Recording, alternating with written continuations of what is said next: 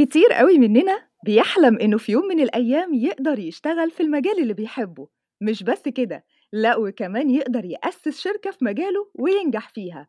بس شايف إنه حلم بعيد أو حاسس إنه مستحيل أو يمكن خايف من المغامرة. طبيعي جدا لكن معانا في بودكاست حدوتة هنعرفك إن الحلم ممكن يتحقق وإن مفيش حاجة مستحيل وهنكسر حاجز الخوف. علشان هتسمع معانا تجارب حقيقية من ناس قبلك حققوا الحلم ونجحوا فيه اتحدوا نفسهم وتحدوا المصاعب. معانا النهاردة ضيف قدر يكون صاحب حدوتة يفتخر بيها ونسمعها كلنا ونتعلم منها. معانا الأستاذ فادي كامل المدير التنفيذي للمجموعة الاستثمارية دهب مصر. أهلا وسهلا بحضرتك معانا في بودكاست حدوتة. إزيك يا أمنية أخبارك إيه؟ الحمد لله تمام. مشرفنا في بودكاست حدوتة. ميرسي جدا أنا اللي متشرف بيكم. ربنا يخليك. في البداية حابين حضرتك تعرفنا وتتكلم معانا أكتر عن شركة دهب مصر. طيب إحنا دهب مصر هي أول بوابة للاستثمار في المعادن الثمينة في الشرق الأوسط. آه بنحاول نغير السوق بتاع الاستثمار آه في الذهب إحنا متخصصين في ال gold ingots and coins أو السبائك والجنيهات الذهب والفضة. آه بننقل السوق ده من السوق ال traditional بتاعه آه من فكرة اللي عايزين يستثمروا فيه بينزلوا يشتروا آه direct من المحلات. لا إحنا بننقل ده عشان يبقى online platform الناس تقدر تشتري وتبيع من عليه. وتقدر تتابع الاستثمار بتاعها وتقدر ونقدر ندخل ال fintech أو التكنولوجيا المالية في الموضوع. ومن أهم الحاجات اللي إحنا دايما أنا وشريكي بنتكلم فيها مع بعض اللي إحنا ما نخترعش العجل. يعني اللي إحنا بنشوف الدول والتجارب اللي سبقتنا في المجال ده وبنحاول نوفق ده على ال mentality وال culture المصرية والعربية في نفس الوقت. تمام. يعني ممكن بس توضح للمستمعين أكتر يعني إيه منصة إلكترونية للاستثمارات الذهبية؟ توضيح أكتر بس لو طيب. أنا أنا عارف الموضوع ممكن يبقى جديد شوية. إحنا بعيد كل البعد عن المضاربة أو الفوركس أو اللي إحنا بنشتري حاجة ما بنمسكهاش لأ. من خلال ذهب مصر الناس تقدر تستثمر في الذهب من أول ربع جرام وجرام لحد كيلو ذهب أو كيلو فضة.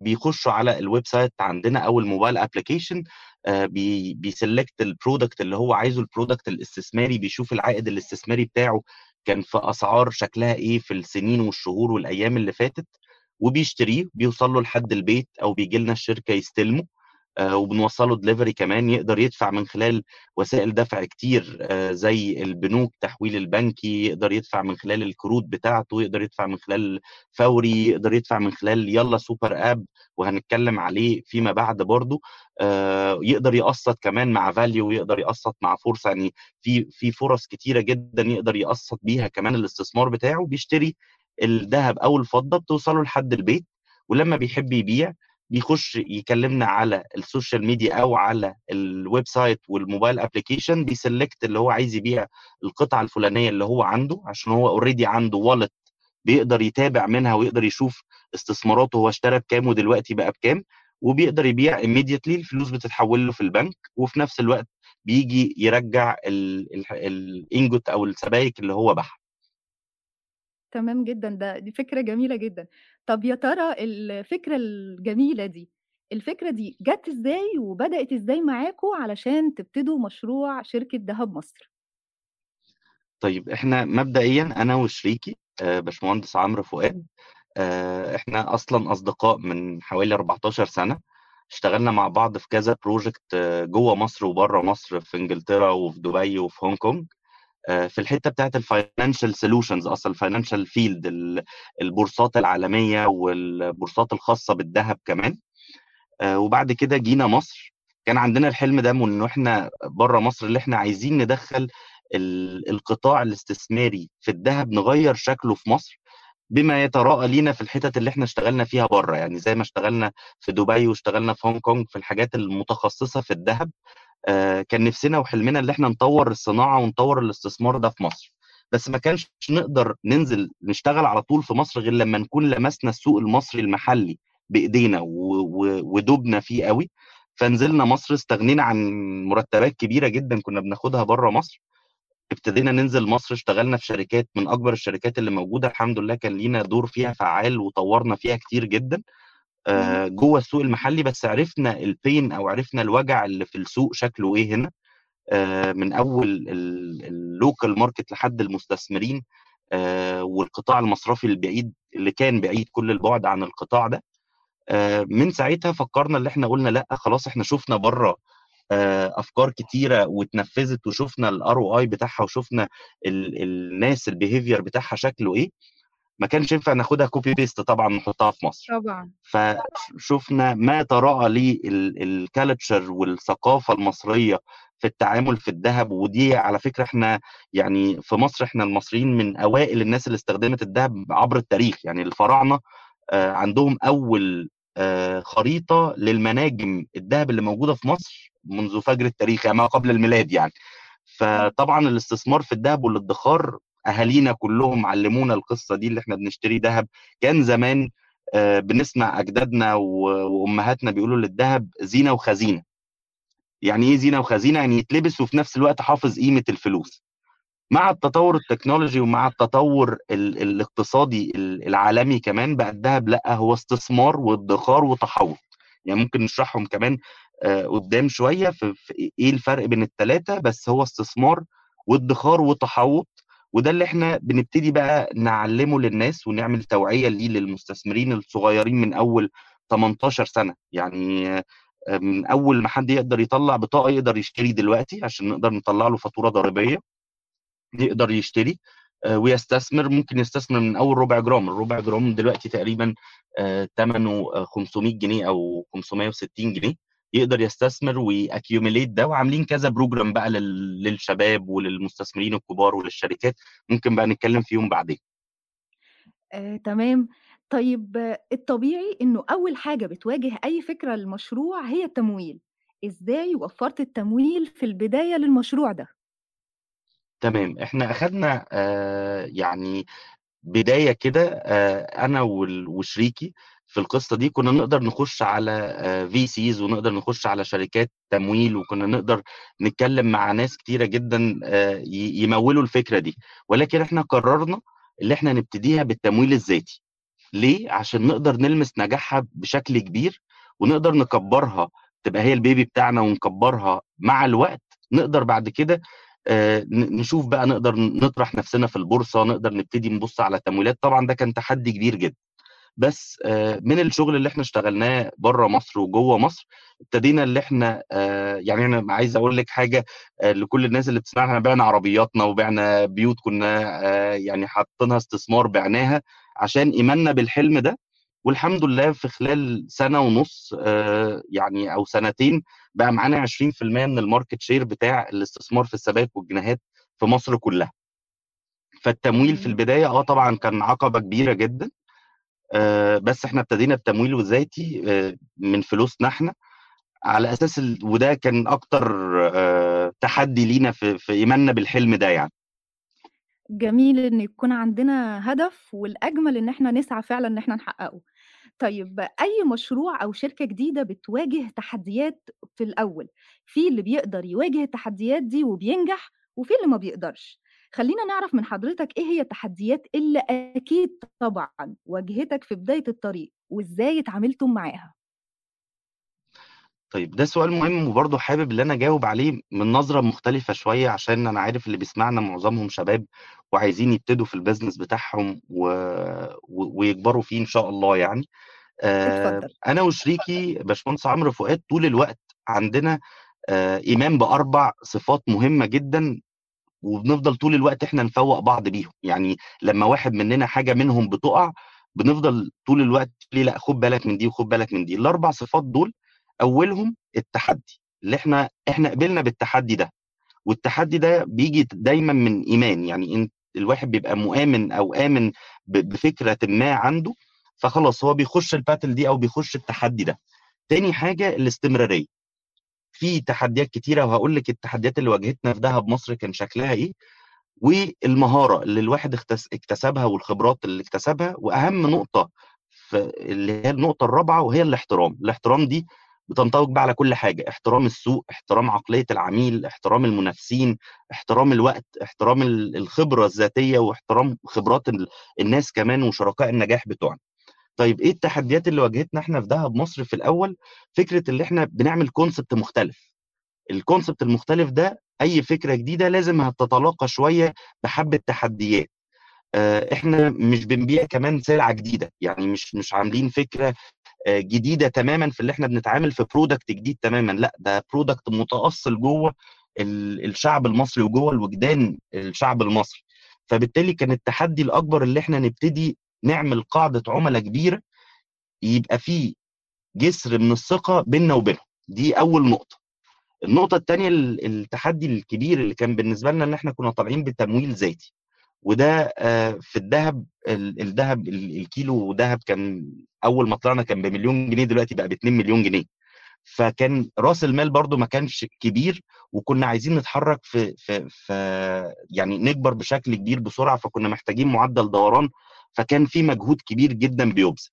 تاني حاجة أو تالت حاجة ال- التحدي الأكبر ال- الشكل الإداري أو الشكل القانوني لل- للشركة كان عندنا شكلها إيه؟ شركة أول مرة تفتح في مصر بالشكل ده آه، وفي الشرق الأوسط فابتدينا نتعب شوية في فكرة ال- النظام القانوني يبقى ليها إيه؟ ابتدينا نتكلم مع البنوك ابتدينا نتكلم مع الضرائب ابتدينا نتكلم مع المحاسبين القانونيين مع البنك المركزي ابتدينا ناخد approvals من البنك المركزي اخذنا منه approvals اخذنا من وزارة التموين آه، والتجارة الداخلية عشان الذهب أو مصلحة الدمغه والموازين تابعة لوزارة التموين والتجارة الداخلية. فابتدينا نسعى في ده. الحمد لله اللي إحنا كنا ماشيين step by step فابتدينا نأسس ده بشكل كويس وده الأهم وده اللي دايما بنصح بيه أي حد عايز يبتدي أي business التأسيس لازم ما يبقاش فيه أي تسرع لازم يبقى فيه بر يعني خطوات مدروسة واحدة واحدة. آه هيبقى فيها تحديات وهي تحديات الوقت. ال- الوقت ده أكبر تحدي ممكن يقابل أي مؤسس لأي شركة ما. ال... ال... أنت دايما عندك صراع مع الوقت في حرب مع الوقت فلازم الوقت ده لو ما لو ما قدرتش تديره بشكل كويس يا إما آه مش هتنجح يا إما هتنجح في وقت متأخر قوي وهتكون استنفذت كل القوى اللي عندك. فالتحدي الأكبر اللي كان معانا هو الوقت التحدي الثاني هو الشكل القانوني للشركة شكله إيه والتحدي الثالث اللي إحنا كنا طالعين بتمويل ذاتي فكان براس مال محدود والحمد لله ابتدينا نزود ده مع الوقت. آه، أنا عايز أقول لك إحنا اشتغلنا سنتين أنا وشريكي إحنا ما حطيناش جنيه في جيبنا من من الشركة. السنتين دول. آه، ما استفدناش أي حاجة بالعكس إحنا أي فلوس أرباح بتجيلنا بنكبر بيها الشركة ونكبر بيها ال team ونكبر بيها ال technology اللي إحنا شغالين بيها بس أتمنى ما أكونش آه، طولت عليكي في إجابة السؤال. لا ولا يهمك. آه، طب هل ده معناه إن ممكن صناديق الاستثمار أو المستثمرين ترفض تمويلك لو ما كنتش أنت بدأت تمويل لنفسك؟ آه، بالعكس إحنا لما عرضنا الشركة على آه، صناديق استثمار أو أو رأس مال مغامر ال VCs وعرضناها على private equities كمان كانت في جهات كتيرة جدا متحمسة لده ولكن. آه، بمنتهى الأمانة إحنا كنا حاسين إن إحنا نقدر نكبرها ولما نكبرها هنقدر ناخد فيها فلوس أحسن بعد كده يعني لو في حاجة لو أي فكرة يعني مبنية على إيمان والواحد مآمن بيها كويس قوي وراح عرضها على حد عشان يديله فلوس عشان يبدأ بيها لازم ال- الحد اللي هيخش بفلوس ده لازم هيطلب نسبة كبيرة عشان هو already داخل مغامرة أو داخل واخد risk عالي. آه، وده اللي إحنا ما رضيناش نعمله في الأول. اللي إحنا قلنا لأ إحنا فكرتنا مأمنين بيها لامسين القطاع ده كويس قوي عارفين كل المشاكل اللي فيها نقدر نكبر ب ب ب ب limits معينة فلا إحنا لو هنحتاج تمويل فممكن نحتاجه بعد سنتين أو ثلاث سنين شغل وهيبقى رقم مختلف تماما عن اللي أنا طالبه دلوقتي. يعني اللي أنا كنت داخل بأسس الشركة say مثلا طالب آه، دولار فلا أنا ممكن بعد ثلاث سنين أطلب 3 مليون دولار. ليه؟ عشان خلاص بقت شركة محققة أرقام على أرض الواقع عندها market share عندها access لعملاء معينة في ثقة كبيرة في تنفيذ في في البنوك عمليات ملموسة في قوائم مالية. فأبتدي أتكلم بعد كده مع ال VCs ومع المستثمرين بقلب أقوى شوية. وده اللي أنا دايمًا بانصح بيه برضه الشباب، يعني باقعد مع شباب كتير بتبتدي ال business بتاعها ويقولوا لي: "لأ إحنا عايزين ناخد تمويل." أقول له: "لأ، لو مش أنت لو أنت مش قادر تطلّع من فكرتك دلوقتي فلوس، فده مش أنسب وقت تفتح فيه." يعني لو أنت مش قادر تشتغل بفكرتك دلوقتي، حتى لو هتشتغلها من أوضة النوم بتاعتك، آآ لو هتعمل موبايل application وتطلع تجرّب، لو أنت مش قادر تعمل pilot model يطلّع من منّه فلوس ليك دلوقتي، ده مش أنسب مش أنسب وقت تفتح فيه الbusiness بتاعك، ما تاخدش فلوس من حد، دايمًا الفلوس لمّا بتيجي من حد أو من جهة أو من شركة، بتبقى الموضوع بيبقى أسهل، يالّا هاخش أجرّب، إمم، لأ، هو لو. في business plan محترمة، هاطلّع منها فلوس بعد كده أقدر أروح بقى للVCs وأقدر أروح لل للfund managers والprivate equities أقول لهم أنا دلوقتي عندي أرقام أهي على الأرض، فأنا محتاج الرقم الفلاني عشان أقدر أعمل بيه 1، 2، 3. هي نقطة مهمة جدًا فعلًا، وأتوقع إنها مهمة لأي حد بيفكّر يعمل مشروع. آآ طيب التكنولوجيا الحديثة دخلت حياتنا كلنا، وأثّرت علينا كلنا وفي كل المجالات. يا ترى إيه هي تأثيرات استخدام التكنولوجيا الحديثة في سوق الدهب حاليًا؟ طيب إحنا في في سوق الدهب المحلي في مصر آآ ما قبل الكورونا، إحنا فتحنا بعد الكورونا بسنة، يعني فتحنا في إمم، 21 آآ ما قبل ده ما كانش في أي استخدام نهائيًا للتكنولوجيا في ال في سوق الدهب، يعني كانت الشركات اللي عندها web site أنا باتكلم على الاستثمار في سوق الدهب على فكرة، في شركات عندها آآ وشركات كبيرة جدًا عندها web sites بتبيع عليه مشغولات و و وjewelry يعني، ده من من زمان يعني من من حوالي 7، 8 سنين كمان. أنا باتكلم على الاستثمار كسبايك وجنيهات آآ سواء فضة أو دهب، آآ ده ما كانش موجود خالص. فكرة استخدام التكنولوجيا فيه من أول الERP system اللي بيلم الحسابات ويلم قاعدة العملا والCRM و والweb site اللي يبقى شغال automated و والدفع كمان وسائل الدفع الإلكتروني سواء بقى في البنك أو سواء بcredit أو debit cards مصريين أو موجودة في البلد يعني، آآ لحد التقسيط ولحد كمان ال اللي ممكن حد يبقى معاه دهب يقدر ياخد عليه قرض ما أو ياخد عليه آآ فلوس بضمانه يعني. ال الوسائل التكنولوجية دي، دي ما كانتش موجودة آآ قبل دهب مصر، آآ إمم، وإحنا برضه ما اخترعناش العجلة، يعني ما كانش لينا الفضل في حاجة، إحنا الف الmodel ده موجود برّه مصر من زمان جدًا، إحنا دخّلنا ده، كان التحدي برضه هارجع للسؤال الأولاني، كان التحدي الكبير أوي إن السوق نفسه التجار والمصنعين ما كانوش قادرين يستوعبوا ده، اللي هو web site إمم، يبيع؟ ما أنا بابيع في المحل عندي.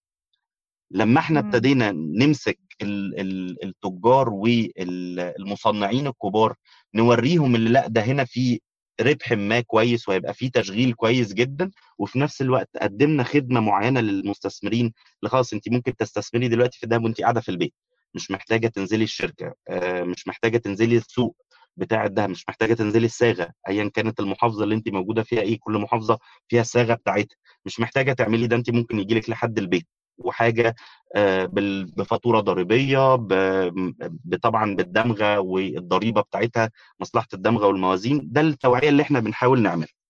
فال تمام، ال ال ال القطاع التكنولوجي ده لمّا دخل في آآ في سوق الدهب، ده اللي كان ناقصه، يعني ده اللي كان ناقصه فعلًا، السوق ده قديم جدًا وعتيق وخبرات كبيرة جدًا موجودة في السوق المحلي بتاع الدهب، بس لمّا دخلت فيه التكنولوجيا بقى في link قوي جدًا بين المستثمرين الأفراد، وكمان مستثمرين الشركات على فكرة، والسوق. الحمد لله كان لينا الفضل يعني بعد ربنا طبعًا آآ اللي إحنا كنا ال حلقة الوصل دي كدهب مصر، ولسه في توسعات تانية، ودايمًا على فكرة من الحاجات اللي الناس ما بتصدقش اللي أنا باقولها لو لو ما سمعتهاش مني يعني، اللي إمم، دايمًا طول الوقت باقول نفسنا في منافسين كتير يطلعوا معانا في إمم، الحتة دي، عشان ما فيش شركة هتقدر تكفّي سوق الدهب في مصر. يعني تمام. نفسنا شباب يطلعوا ويبقى منافسين لينا، ويبقى في كمان خبرات كبيرة نقدر إحنا نستفاد بيها ونفيد ناس تانية شباب تانية، السوق كبير جدًا، فالمنافسين دلوقتي الmarket ده it's virgin market لسه مفتوح في التجارة الإلكترونية بتاعته، ففي في خير كتير يعني لسه لسه دايمًا طول الوقت بنقول لسه لسه السوق ده كتكنولوجيا لأ لسه فيه كتير جدًا. آآ حضرتك بتقول إنه ال الشركة أو فكرتها جديدة على أهل مصر، لكن مش جديدة عالميًا. طيب بالضبط. إيه أكتر شريحة تعبتك إنها تقتنع بالاستثمار ده؟ يعني طبيعة أهل مصر بيخافوا من الجديد على عكس الشركات اللي اتعاملت معاها، فإزاي قدرت تقنع الأفراد دي خصوصًا إنهم ما عندهمش العلم الكافي بكده، يعني الشركة بفكرتها كلها فكرة جديدة؟ بالضبط، ده سؤال حلو جدًا على فكرة عشان ده كان من أساسيات تأسيس الشركة عندنا. ال التحدي ده، ده كان بالنسبة لي أنا و وعمرو شريكي طول الوقت بنقعد نفكّر فيه، إحنا لو طلعنا بسبايك وجنيهات محطوط عليها دهب مصر، الناس هتخاف، هتقول لك أنا ما أعرفش الشركة دي، الشركة دي عندها web site وآه عندها physical location وأقدر أروح لهم الشركة بس أنا ما أعرفهاش. ف فغيّرنا شوية في الbusiness model وإحنا بنشتغل عليه اللي إحنا نبقى gold hub. يعني إيه نبقى gold hub؟ يعني آخُد السبايك والجنيهات اللي الناس already بتشتريها، اللي هي بتشتريها. في ال في الشارع، آخُدها أحطها على الplatform عندي. فلمّا إمم. أحطها على الplatform عندي، فبقيتِ أنتِ وكل الناس اللي بتستثمر في الدهب شافت اللي already بيتشاف طول الوقت. ف. آآ فبالتالي ده بيدّي credibility وبيدّي ثقة أكتر للمستثمر، آه دي دي السبايك والجنيهات اللي أنا باشوفها طول الوقت. فبالتالي ده ده آآ لمّا ييجوا يشتروا من دهب مصر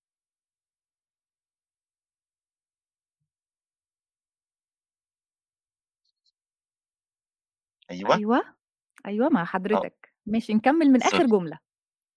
طيب، آآ لمّا الناس بتخش تشتري آآ السبايك والجنيهات اللي هي already بتشوفها في الشارع وبتشوفها في المحلات وبتشوفها في المستثمرين آآ في في المحلات بتاعة الدهب، لمّا تيجي تستثمر فيها من دهب مصر، آه هنا في credibility أكتر، في ثقة أكتر، دي السبايك اللي أنا باشوفها، فبالتالي بياخد بقى فاتورة ضريبية وبيبتدي يستخدم الوسائل التكنولوجية اللي هو ما بيعرفش يعملها، وعشان ينزل يشتري من الصاغة لازم يبقى معاه كاش، طب أنا الفلوس اللي في البنك مش عايز أطلّعها عشان ما امشيش بيها في الشارع، فبالتالي إيه ده، ده في شركة أقدر أحوّل لها الفلوس، فأخدنا الcredibility وأخدنا الثقة بتاعتنا من خلال المنتجات اللي already إحنا بنشتغل معاها، فعشان كده. اشتغلنا مع أكبر vendors وأكبر مصنعين للدهب، للسبايك والجنيهات في مصر، ابتدينا نشتغل معاهم وعملنا معاهم شراكات كويسة جدًا، وابتدينا نسوّق لهم كمان، فبالتالي ده ادّى credibility أعلى للمستثمرين اللي بيتعاونوا معانا، ولمّا المستثمرين جُم وأخدوا الexperience بتاعتنا، فابتدى يبقى في بناء الثقة دي بيننا وبين بعض،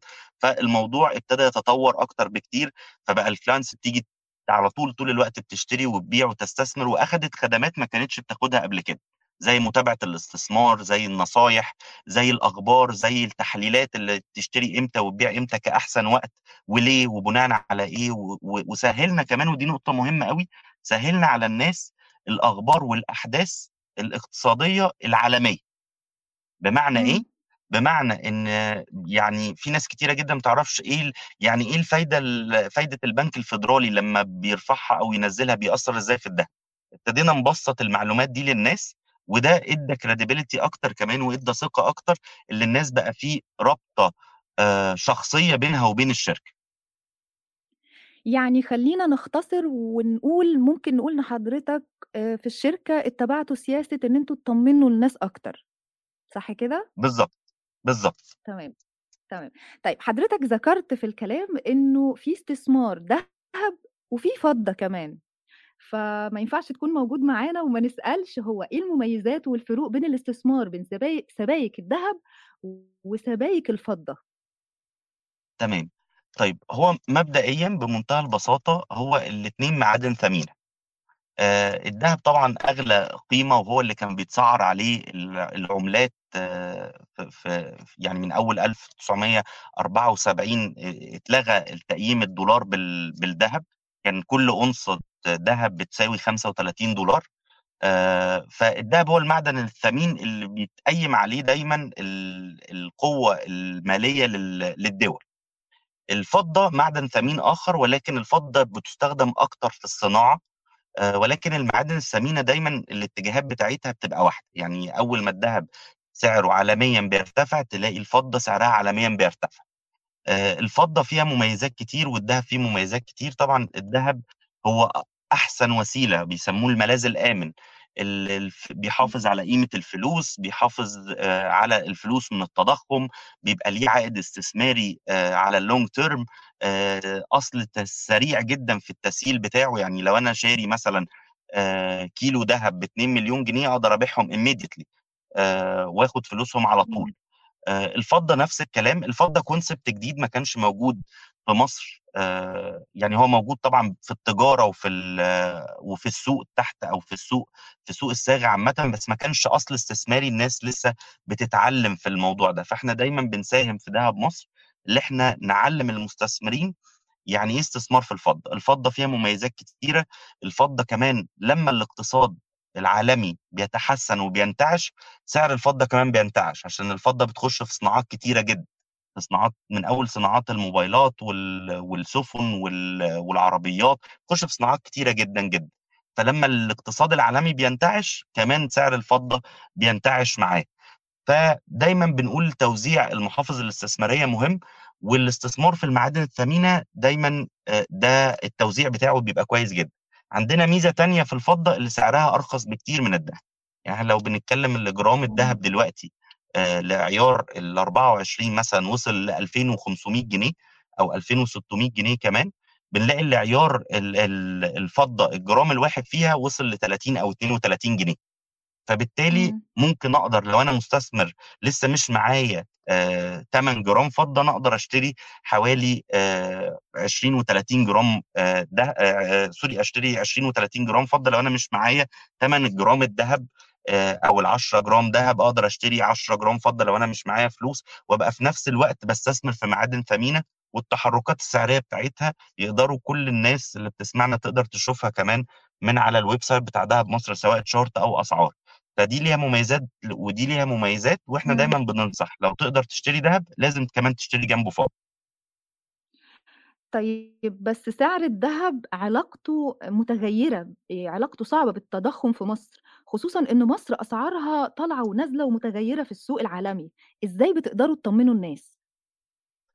طيب إحنا لو بصينا على الأسعار، هو دايمًا الدهب في مصر وع في العالم هو كل سنة أعلى من التانية، ولكن اللي. بيحصل في مصر هنا آآ وضع شوية مختلف، ليه؟ عشان إحنا عندنا العرض والطلب، الطلب كتير جدًا على الاستثمار في في الدهب، فبالتالي ده رفع الأسعار بشكل كبير جدًا، بالتالي كمان إحنا ما عندناش الاستيراد واقف، آآ فما بنجيبش دهب من برّه، فإحنا ال السوق آآ مُعتمد تمامًا على الناس اللي بتبيع، وبما إن ما فيش ناس كتيرة بتبيع عشان كُلّه متخوّف من الركود التضخُّمي اللي في العالم والركود بشكل عام والتضخُّم اللي بيحصل في في الأسعار سواء عالميًا أو محليًا، فالناس كُلّها بتتجه للشرا الدهب، وده.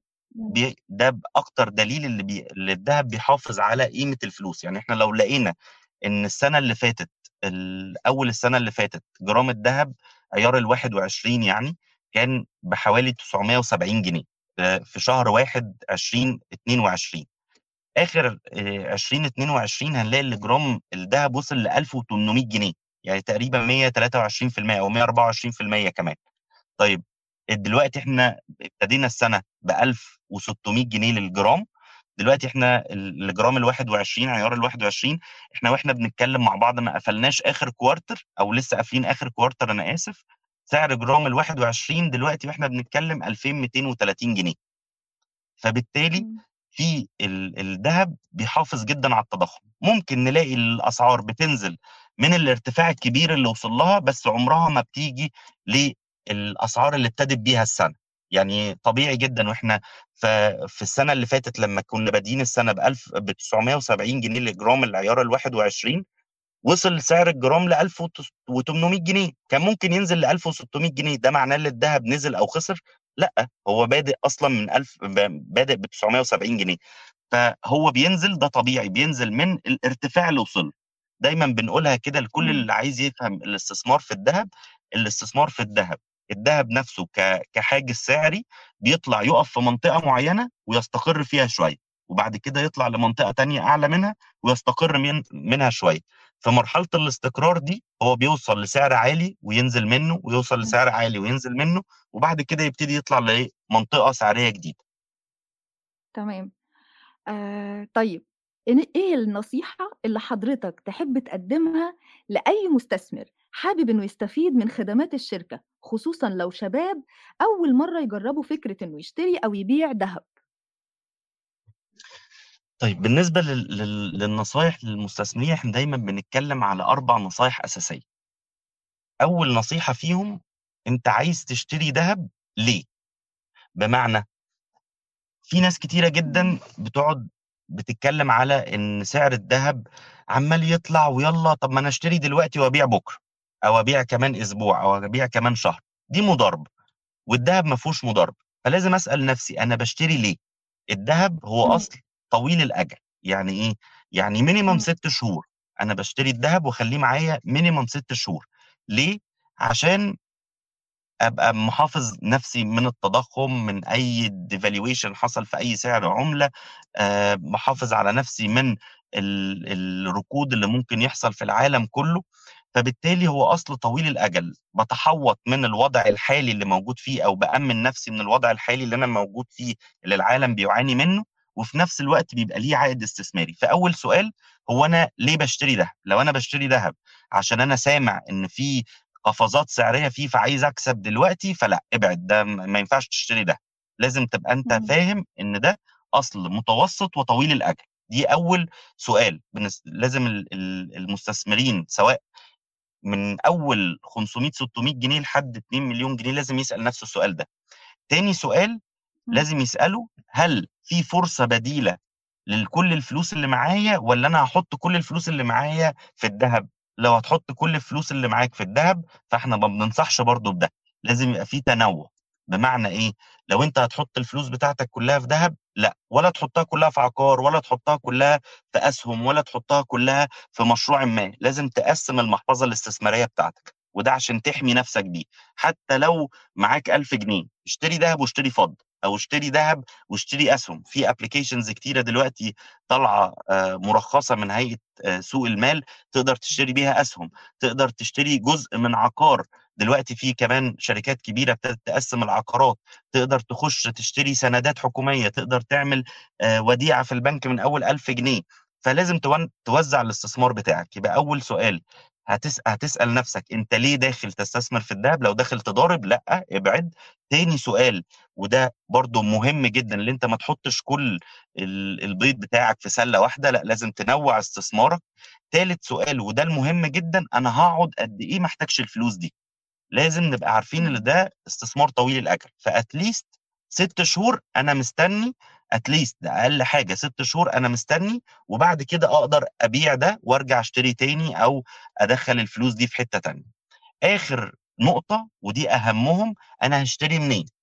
لازم تشتري وأنت بتشتري أي منتج دهبي استثماري سواء دهب أو فضة، لازم يتوفّر فيه حاجات معيّنة، لازم يكون مدموغ من مصلحة الدمغة والموازين، مدفوع القيمة المضافة بتاعته، يكون مغلّف، وفي نفس الوقت يبقى معاك فاتورة ضريبية مكتوب فيها قيمة الاسترداد، المصنعات اللي أنت دفعتها وقيمة الاسترداد أو الcashback اللي أنت هتاخده لمّا تيجي تبيع السبايك آآ والجنيهات دي. فال4 حاجات دول هم المؤشرات الأساسية لو أي حد عايز يستثمر دهب أو يستثمر في الفضة. على يعني فعلًا نصايح مهمة جدًا، يعني شكرًا ليك مبدئيًا.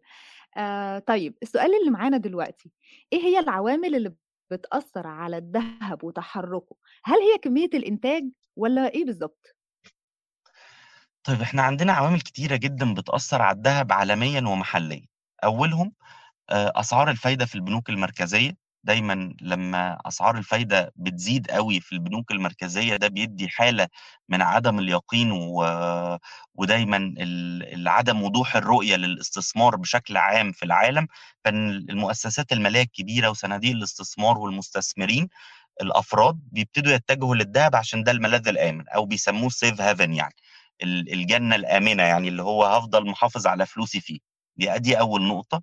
تاني نقطة طبعًا الأحداث الجيوسياسية اللي بتحصل في العالم كله آآ، سواء حروب، سواء نزاعات، سواء نزاعات اقتصادية، فالعالم طبعًا كله دلوقتي على صفيح ساخن يعني سواء أمريكا والصين وأوكرانيا وروسيا وإيران والسعودية آآ، وأوروبا وحلف ال الناتو، كل العالم على صفيح ساخن، فتبتدي الدول والبنوك المرك المركزية تبتدي تشتري دهب، ليه؟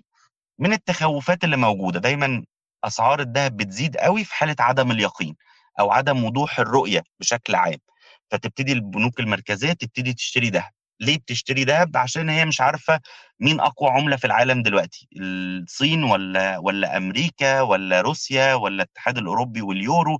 فالتخوفات دي كلها بتخلي البنوك المركزية والمؤسسات المالية وصناديق الاستثمار والمستثمرين الأفراد كلهم يشتروا ده عشان برضه. هو الذهب هو الملاذ الآمن وهو اللي بيحافظ على قيمة العملة وهو اللي بيحافظ على قيمة العملات من التضخم وهو المصدر الرئيسي لتقييم العملات بشكل عام يبقى دي تاني نقطة أول نقطة قلناها الفايدة في البنوك المركزية تاني نقطة. الأحداث الجيوسياسية والحروب طبعا ده بيأثر فيه جدا تالت حاجة وهو التضخم كل ما التضخم زاد كل ما قيمة الفلوس بتقل فلما قيمة الفلوس بتقل دايما الناس بتخاف, بتخاف على المدخرات بتاعتها فتبتدي تدخر الفلوس. دي في الذهب عشان تقدر تحافظ عليها من شبح التضخم اللي موجود فكل ما نسب التضخم العالمية والمحلية بتزيد نلاقي إن أسعار الذهب بتزيد عشان الذهب بيحمي من التضخم وآخر حاجة خالص هو العرض والطلب كل ما.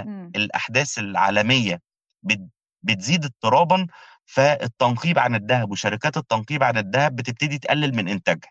فلما تقلل من إنتاجها ال- العرض بيبتدي يقل فالطلب بيزيد جدا وده بيعمل طفرة في الطلب فبالتالي بيعمل طفرة سعرية. وأتوقع ده في أغلب المنتجات مش الدهب بس كمان. بالظبط. طبعا طيب. الذهب آآ الذهب كمان عشان بيحتاج بروسيس كتيرة جدا في التنقيب آه، من المناجم ف وبيحتاج مصاريف عالية جدا وبيحتاج تكاليف عالية جدا وفي ظل التضخم ده التكاليف دي بتزيد فتبتدي الشركات بتاعة التنقيب تقلل الإنتاج بتاعها والطلب بتاعها آه، يبتدي يعلى عليها قوي فتبتدي الأسعار تتجه للأعلى تاني تمام. طيب التخطيط الجيد من أهم عوامل نجاح أي مشروع وشركة. خلّينا نبُص بقى على المستقبل من وجهة نظر حضرتك، وعرّفنا إيه هي خططك لشركة دهب مصر في المستقبل، أو زي ما طيب. بيقولوا كده يعني شايف الشركة فين كمان 5 سنين، وكمان تتوقع إمتى الشركة ممكن تكون موجودة في البورصة؟ طيب إحنا آآ إحنا على الplan بتاعتنا يعني مش هاقول لِك كلام أحلام أكتر، أنا هاقول لِك على الplan آآ بتاعتنا، آآ إحنا إن شاء الله خلال السنتين اللي جايين إحنا بن بن بن بنplan لده دلوقتي، اللي إحنا نطرح نفسنا في البورصة المصرية، آآ إمم. إن شاء الله خلال السنة اللي جاية هنبقى موجودين في أكتر من دولة عربية، آآ هنبقى موجودين في الإمارات، في السعودية، في الكويت، وفي البحرين. آآ ده اللي إحنا يعني ده الplan بتاعتنا اللي إحنا نتوسّع في الشرق الأوسط، وال الخطة الأساسية بتاعتنا أو الهدف الرئيسي بتاعنا اللي إحنا نخلّي مصر أكبر مركز تجمُّع للدهب في أفريقيا، أفريقيا غنية جدًا بالدهب، ومصر من. أكثر الدول المتقدمة والمتطوّرة ماليًا وقانونيًا في في في في في أفريقيا، فبالتالي ده اللي إحنا دايمًا بنسعى ليه، آآ اللي إحنا نعمل شراكات مع شركات كبيرة في الدهب آآ في أفريقيا، عشان يبقى مصر هي أول وأكبر مركز تجاري للدهب في أفريقيا، ونبتدي نتعاون بقى مع آسيا ونتعاون مع أوروبا.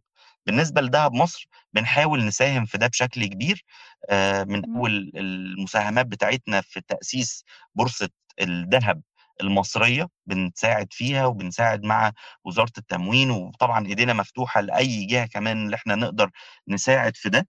آآ إنما على الخطط الأساسية بتاعتنا دلوقتي إحنا بنplan اللي إحنا نتوسّع في الدول الخليجية، وإن شاء الله كمان 5 سنين هي دي plan كبي يعني واسعة أوي ل5 سنين، إحنا دايمًا بنبُص على الplan 3 سنين آآ عشان نقدر نوجّهها بعد كده، يعني مش لازم اللي إحنا راسمينه كمان 5 سنين هو اللي يحصل، ممكن السوق إمم. وال والmarket condition ي يوجّهنا شوية ويعدّل من خططنا، طبعًا مش بيshift الخطة بتاعتنا، بس بيعدّل من. الخطط بتاعتنا، لازم ت بالضبط، لازم تبقى مرنة يعني. فخلال السنتين اللي جايين إمم. شاء الله السنة الجاية نطرح نفسنا في البورصة المصرية، خلال قبل ما نطرح نفسنا هيكون عندنا حوالي 3 فروع في دول آآ خليجية، وبعد السنة التالتة إن شاء الله نبقى بنتوسّع في أوروبا كمان. إن شاء الله يتحقق كل ده. آآ طيب بما إن مستمعينا من الشباب الطموح اللي بيحاول إنه يستفيد من حضرتك دلوقتي ويحقق حد ويحقق هدفه وينجح، يا ترى إيه هي الأخطاء اللي حصلت معاكم وحابب تنصح الشباب علشان يتفاداها؟ طيب إحنا آآ يعني طبعًا كان في أخطاء لازم تحصل، من زي ما كنت باحكي لِك دلوقتي، فكرة آآ اللي إحنا كنا راسمين plan معيّنة، آآ ممكن الmarket ياخدنا في حتّة تانية نبتدي نشفت ده. نعدّل الplan بتاعتنا. فال المرونة في التعامل مع السوق دي مهمة جدًا. من من الحاجات اللي أشرحها لل لل للشباب اللي بيتكلّموا معايا في ال في الناس اللي عايزة تبتدي مشاريع، آآ بالاقي اللي في شباب صغير أوي، يعني لسه متخرّج من الجامعة ويقعد معايا يقول لي: "أنا عايز أفتح مشروع."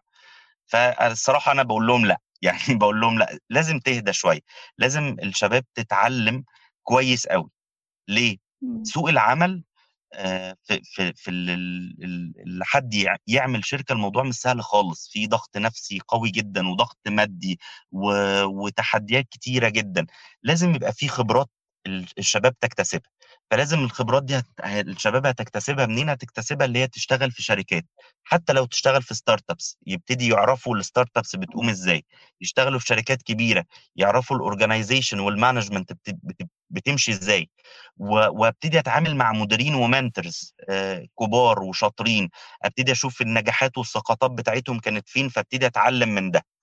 آآ دايمًا رحل رحلة النجاح ما بتتقاس آآ أنت وصلت لفين دلوقتي أو أنت فين من المنافسين بتاعتك، لأ، رحلة النجاح من وجهة نظري أنا هي أنت ابتديت منين وأنت فين دلوقتي، الخطوات اللي أنت مشيتها أنت مع نفسك، يعني قارن نفسك بنفسك، أنت كنت فين وبقيت فين، بس ما تقارنش نفسك بالسوق، السوق كبير وصعب والمنافسي والمنافسة فيه مش سهلة جدًا.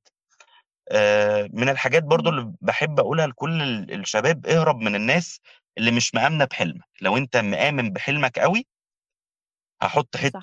يعني برّه برّه ال ال ال الmeditation وال والحاجات النفسية والتأمُّل و وال وال والحاجات دي، لو أنت مآمن بحملك بحلمك أوي هتعرف تطلّع منّه فلوس، لو ما طلّعتش منّه فلوس، اعرف اللي حلمك مش هو ده النموذج اللي المفروض يطلبه. وعايز أقول حاجة تانية بما إني جِبت سيرة الفلوس يعني، إمم. فتح المشاريع واللي أنت تفتح startup وتبتدي تشتغل وتشيل المسؤولية دي ويبقى عندك ناس شركاء نجاح بتاعك، أنا ما باحبش كلمة موظفين خالص، بس شركاء النجاح اللي هيقوّموا معاك الstartup دي، الشباب اللي هيقوّموها معاك، هيبقوا في مسؤوليتك وهيبقوا وهتبقى شايل هَمّهم وهتبقى دايمًا طول الوقت بتحاول تطوّرهم نفسيًا وماديًا ومعنويًا وعلميًا، المسؤولية دي كبيرة أوي، مهما كنت بتكسب، المكسب ده مش هيدّي من الوقت اللي أنت ضيّعته ومش هيعوّضك عن المجهود اللي أنت عملته، بس اللي هيعوّضك عن ده هو طعم النجاح، النجاح والتوسُّع، هي الحياة كلّها مهما كبرت هي maximum يعني عُمر الإنسان 80، 85 سَنة يعني، فمهما طالت ومهما عملنا فلوس، هو اللي هيبقى هو رحلة النجاح بتاعتك، وهو دي السيرة اللي الواحد بيفضل طول الوقت شغّال عليها.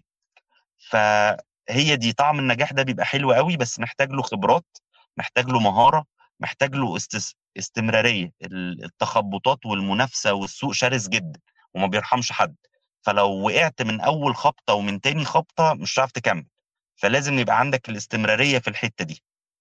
ودايمًا إحنا طول آآ الوقت بنقول أنا وشريكي حتى يعني الكلمة دي طول الوقت بنقولها، احترم السوق واحترم المنافسين جدًا، حتى لو السوق والمنافسين مش بيقابلوك بنفس الاحترام ده، بس لازم تحترمهم وتركّز على نفسك وتفضل تذاكر كل شوية، ال من الحاجات اللي إحنا حتى الشباب يعني ال اللي أنا باسميهم دايمًا مؤسسين الشركة أكتر مني أنا وشريكي اللي شغالين معانا، آآ بيلاحظوها معانا فكرة اللي إحنا طول الوقت بنتعلم، طول الوقت بنقرأ. آآ الكلام اللي على ال social media، ال social media زي ما هي حلوة أوي، بس هي وحشة جدًا، جدًا، جدًا، بتاكل الوقت بطريقة صعبة جدًا، لو واحد مسك الموبايل وقعد ي scroll down خلاص هو تقريبًا نُص اليوم بتاعه راح، فلازم نحذر من الحاجات دي، أنا آسف لو طوّلت عليكِ، لا بس. يعني لازم ناخد بالنا من النُقط دي بشكل كبير جدًا. طيب بما إن حضرتك بقى اللي جِبت سيرة شركاء النجاح وتعلُّمهم وتدريبهم، طب بالنسبة لفريق عمل الشركة، بيكون مُدرّب على التعامل مع الدهب وفاهم تحرُّكاته، ويا ترى بتدرّبوهم وتختاروهم إزاي؟ طيب آآ أنا هاقول لِك على حاجة سِر يعني إحنا إزاي بنختار الناس اللي بنشتغل معاهم، آآ أول حاجة بنحب الشباب اللي هي عايزة تتعلّم. ال السوق ده سوق ما لوش كُتب، سوق الدهب صعب أوي اللي أنتِ تلاقي له كُتب مكتوبة عن الاستثمار في الدهب، ممكن تلاقي مقالات عنه، إنّما سوق الدهب نَفْسه من جوّه والسوق ده بيمشي إزاي ما لوش كتالوج، يعني ده بييجي من الfamily business وبييجي من ال التعلُّم أوي أو يكون يعني زيي أنا و وشريكي دخلنا السوق ده، فابتدينا نفهم الكواليس بتاعته د إزاي. لمّا بنيجي نختار الناس اللي بتشتغل معانا، أهم حاجة عندنا هو قابليته للتعلُّم ويبقى هو عنده passion اللي هو يخُش الحتّة دي.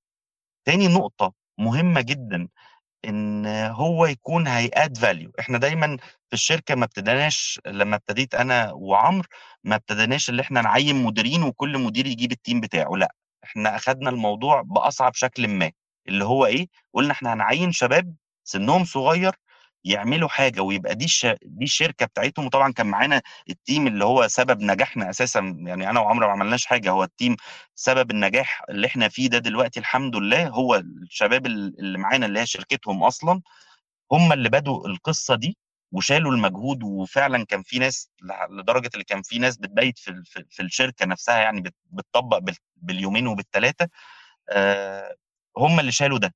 فالpassion اللي عندهم دي هم بيدوقوا طعم نجاحها دلوقتي.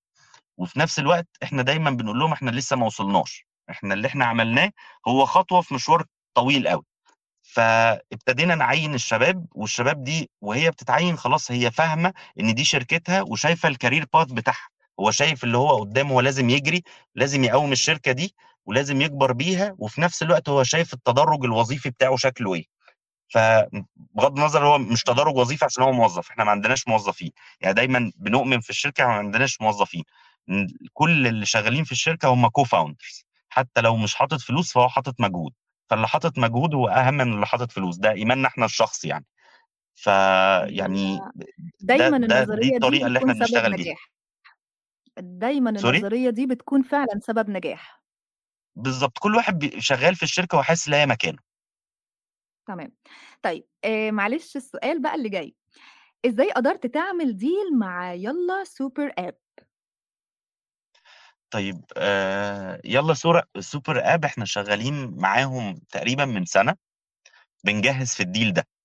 آآ ودي من الحاجات برضه اللي أنا كنت باتكلّم معاكِ فيها في الأول، فكرة الاستثمارية، عمرنا ما زهقنا بالعكس وهُم كمان آآ الدكتور وليد صادق ال CEO وال co-founder ل ليالّا سوبر آب من الشخصيات الجميلة جدًا، بقى لنا سَنة فعليًا، سَنة بمعنى كلمة سَنة بن بندوّر وبنذاكر وبنرتّب للي إحنا نطلع بالفكرة دي. آآ يالّا Super App هو هو super app ي تقدري تعملي من عليه كل حاجة، من أول دفع الفواتير لحد الاستثمار دلوقتي. آآ فالفكرة كانت عندنا اللي إحنا ن نتوسّع في الحتّة بتاعة ال الend user بشكل كبير أوي، ونخلّي الناس يبقى الموضوع سهل زي ما بتدفعي فاتورة الكهربا وزي ما بتدفعي فاتورة الموبايل، أنتِ في نفس الوقت تقدري تستثمري في الدهب وتقدري تشتري وتبيعي من through الmobile application.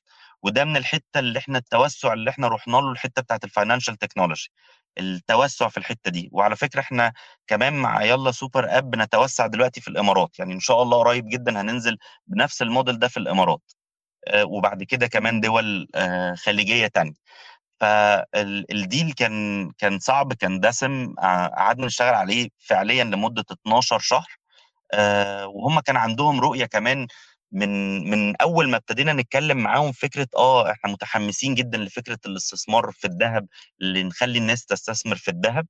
آآ فهي توافق رؤى آآ بين المؤسسين هنا والمؤسسين هنا، وبعد كده الشباب هم اللي اشتغلوا على ده وهم اللي طلّعوهم آآ طلّعوا الproject ده للنور يعني، آآ والحمد لله عمل صدى وعمل نجاح كبير أوي في في وقت قصيّر. و ولسه يعني مكمّلين فيه وهيبقى في توسُّعات وفي يعني حاجات جديدة كمان هتتضاف للmodel ده قريب. جميل جدًا، إن شاء الله. طيب آخر سؤال معانا، معلش لو أرهقناك بالأسئلة شوية، بالعكس أنا مبسوط جدًا. ربنا يخلّيك. آآ طيب، إحنا في خلال الحلقة بتاعتنا على مدار الحلقة آآ اتكلّمنا عن نصايح كتيرة للشباب. هل حضرتك شايف إن في نصايح إحنا ما اتكلّمناش عنها أو أغفلناها في حلقتنا النهارده حابب إن أنت تدّيها لأي شاب بيفكّر إنه يبدأ يستثمر أو إنه يبدأ يعمل مشروع خاص بيه؟ بُصّي، هو في 3 حاجات أساسية آآ عايز أقولها بس لأي حد، حتى لو مش حد عايز يفتح مشروع، لو حد عايز يشتغل في في وظيفةٍ ما أو أو عنده حلم اللي هو يوصل ل ل level معيّن أو يبتدي يشتغل على ال project بتاعه، أول حاجة القراية والثقافة، لازم نقرأ كويس أوي، آآ ال social media ابتدت تضيّع حياتنا بشكل كبير أوي، لأ القراية، ارجع اقرأ كُتب، اقرأ آآ اشتغل على نَفْسك، اتثقّف بشكل كبير أوي، اقرأ في الfield بتاعك. آآ اوعى تخترع العجلة، ما تخترعش العجلة، طوّر فيها زي ما أنت عايز، يعني ما تجيش تبتدي تفتح ت أو تفكّر في مشروع تبتدي تخترع بيه العجلة من الأول، لأ، دَوّر على models زيّك في العالم وهتلاقي 100% هتلاقي models زيّك في العالم، ابتدي خُدها طوّر بيها، طوّر فيها وابتدي حُطّها على الmodel ب ال المحلي اللي أنت عايز تشتغل بيه أو على البلد اللي أنت عايز تشتغل بيها، عايز تشتغل على مصر، ابتدي اشتغل بالhandbook المصري، ابتدي اشتغل بالculture المصرية. دي أول نقطة. تاني نقطة، وزّع المهام، ما تبقاش أنت الشخص اللي بتعمل كل حاجة، لأ، خلّي معاك شُركا، ما تبتديش بone man show ما تطلّعش مشروع لوحدك تبقى solo لأ، ابتدي اعتمد على ناس عندهم نفس الحلم وعايزين يشاركوك، بس ما تكونوش أنتم الاتنين بتعملوا نفس الحاجة. يعني أنا مثلًا في الشركة عندنا، أنا ماسك الbusiness ال آآ آآ شريكي عمرو هو اللي ماسك الحتّة بتاعة ال الtechnology وهو الCTO. آخر حاجة عايز أقولها، إن أنت وأنت بتفكّر في الفكرة بتاعتك لازم تبقى إن at least في 50 واحد worldwide بيفكّروا في نفس الفكرة بتاعتك، اللي هيفرق بينك وبينهم هو do it، ابتدي اشتغلها. أول ما تبتدي تطلّع income منها وتطلّع ROI اعرف اللي أنت شغّال صح، ابتدي توسّع زي ما أنت عايز بقى، يعني ابتدي روح كلّم بقى VCs كلّم funds ابتدي لِم فلوس من قرايبك، من معارفك وابتدي اعمل الشركة، بس أول ما تطلّع منها أنت قماش زي ما بنقولها يعني. بس كده. تمام، تمام. طيب زي ما اتكلّمنا عن دهب مصر، ما ينفعش حضرتك ما تكلّمناش عنّك وعن دراستك وعُمرك، يعني باختصار كده احكِ لنا مين هو أستاذ فادي كامل؟ طيب أنا فادي كامل 36 سَنة، آآ اشتغلت في الfinancial field في البورصات العالمية والبورصة المحلية المصرية، آآ اشتغلت في دبي وفي لندن وفي هونج كونج، آآ ذاكرت أخدت MBA في الbusiness administration وأخدت DBA أخدت دكتوراه كمان في الbusiness آآ وفي ال في ال في الfinancial والinvestment field بالذات يعني ده التخصُّص بتاعي. آآ اشتغلت في في شركات برّه مصر كتيرة أوي، آآ حوالي 6 شركات كلّهم متخصصين في الfinancial field واشتغلت في مصر هنا كنت الbusiness development director لشركة BTC وكنت الmanaging director لشركة Swiss Gold الاتنين في الدهب، آآ وبعد كده فتحت دهب مصر، ده بإيجاز يعني. تمام. باشكر حضرتك جدًا أستاذ فادي كامل المدير التنفيذي لشركة دهب مصر، حقيقي شرّفتنا واستفدنا واستمتعنا جدًا بوجود حضرتك معانا، ونتمنى لحضرتك دايمًا النجاح والتقدُّم. أنا اللي اتشرّفت بيكم وأنتم بتعملوا حاجة حلوة جدًا وبتفيدوا فعلًا بيها الشباب وربنا معاكم ويوفّقكم دايمًا، اتشرّفت بيكم جدًا. رب ربنا يخلّيك يا فندم. وفي نهاية حلقتنا النهارده، أحب أشكر كل مستمعين بودكاست حدوتة، ونقول لكل مستمع أنت بطل حياتك، ما توقّفش مغامرة، أوعى تنسى حلمك، حاول دايمًا يكون عندك هدف. تصبحوا على خير. آآ إزيك يا أستاذ فادي؟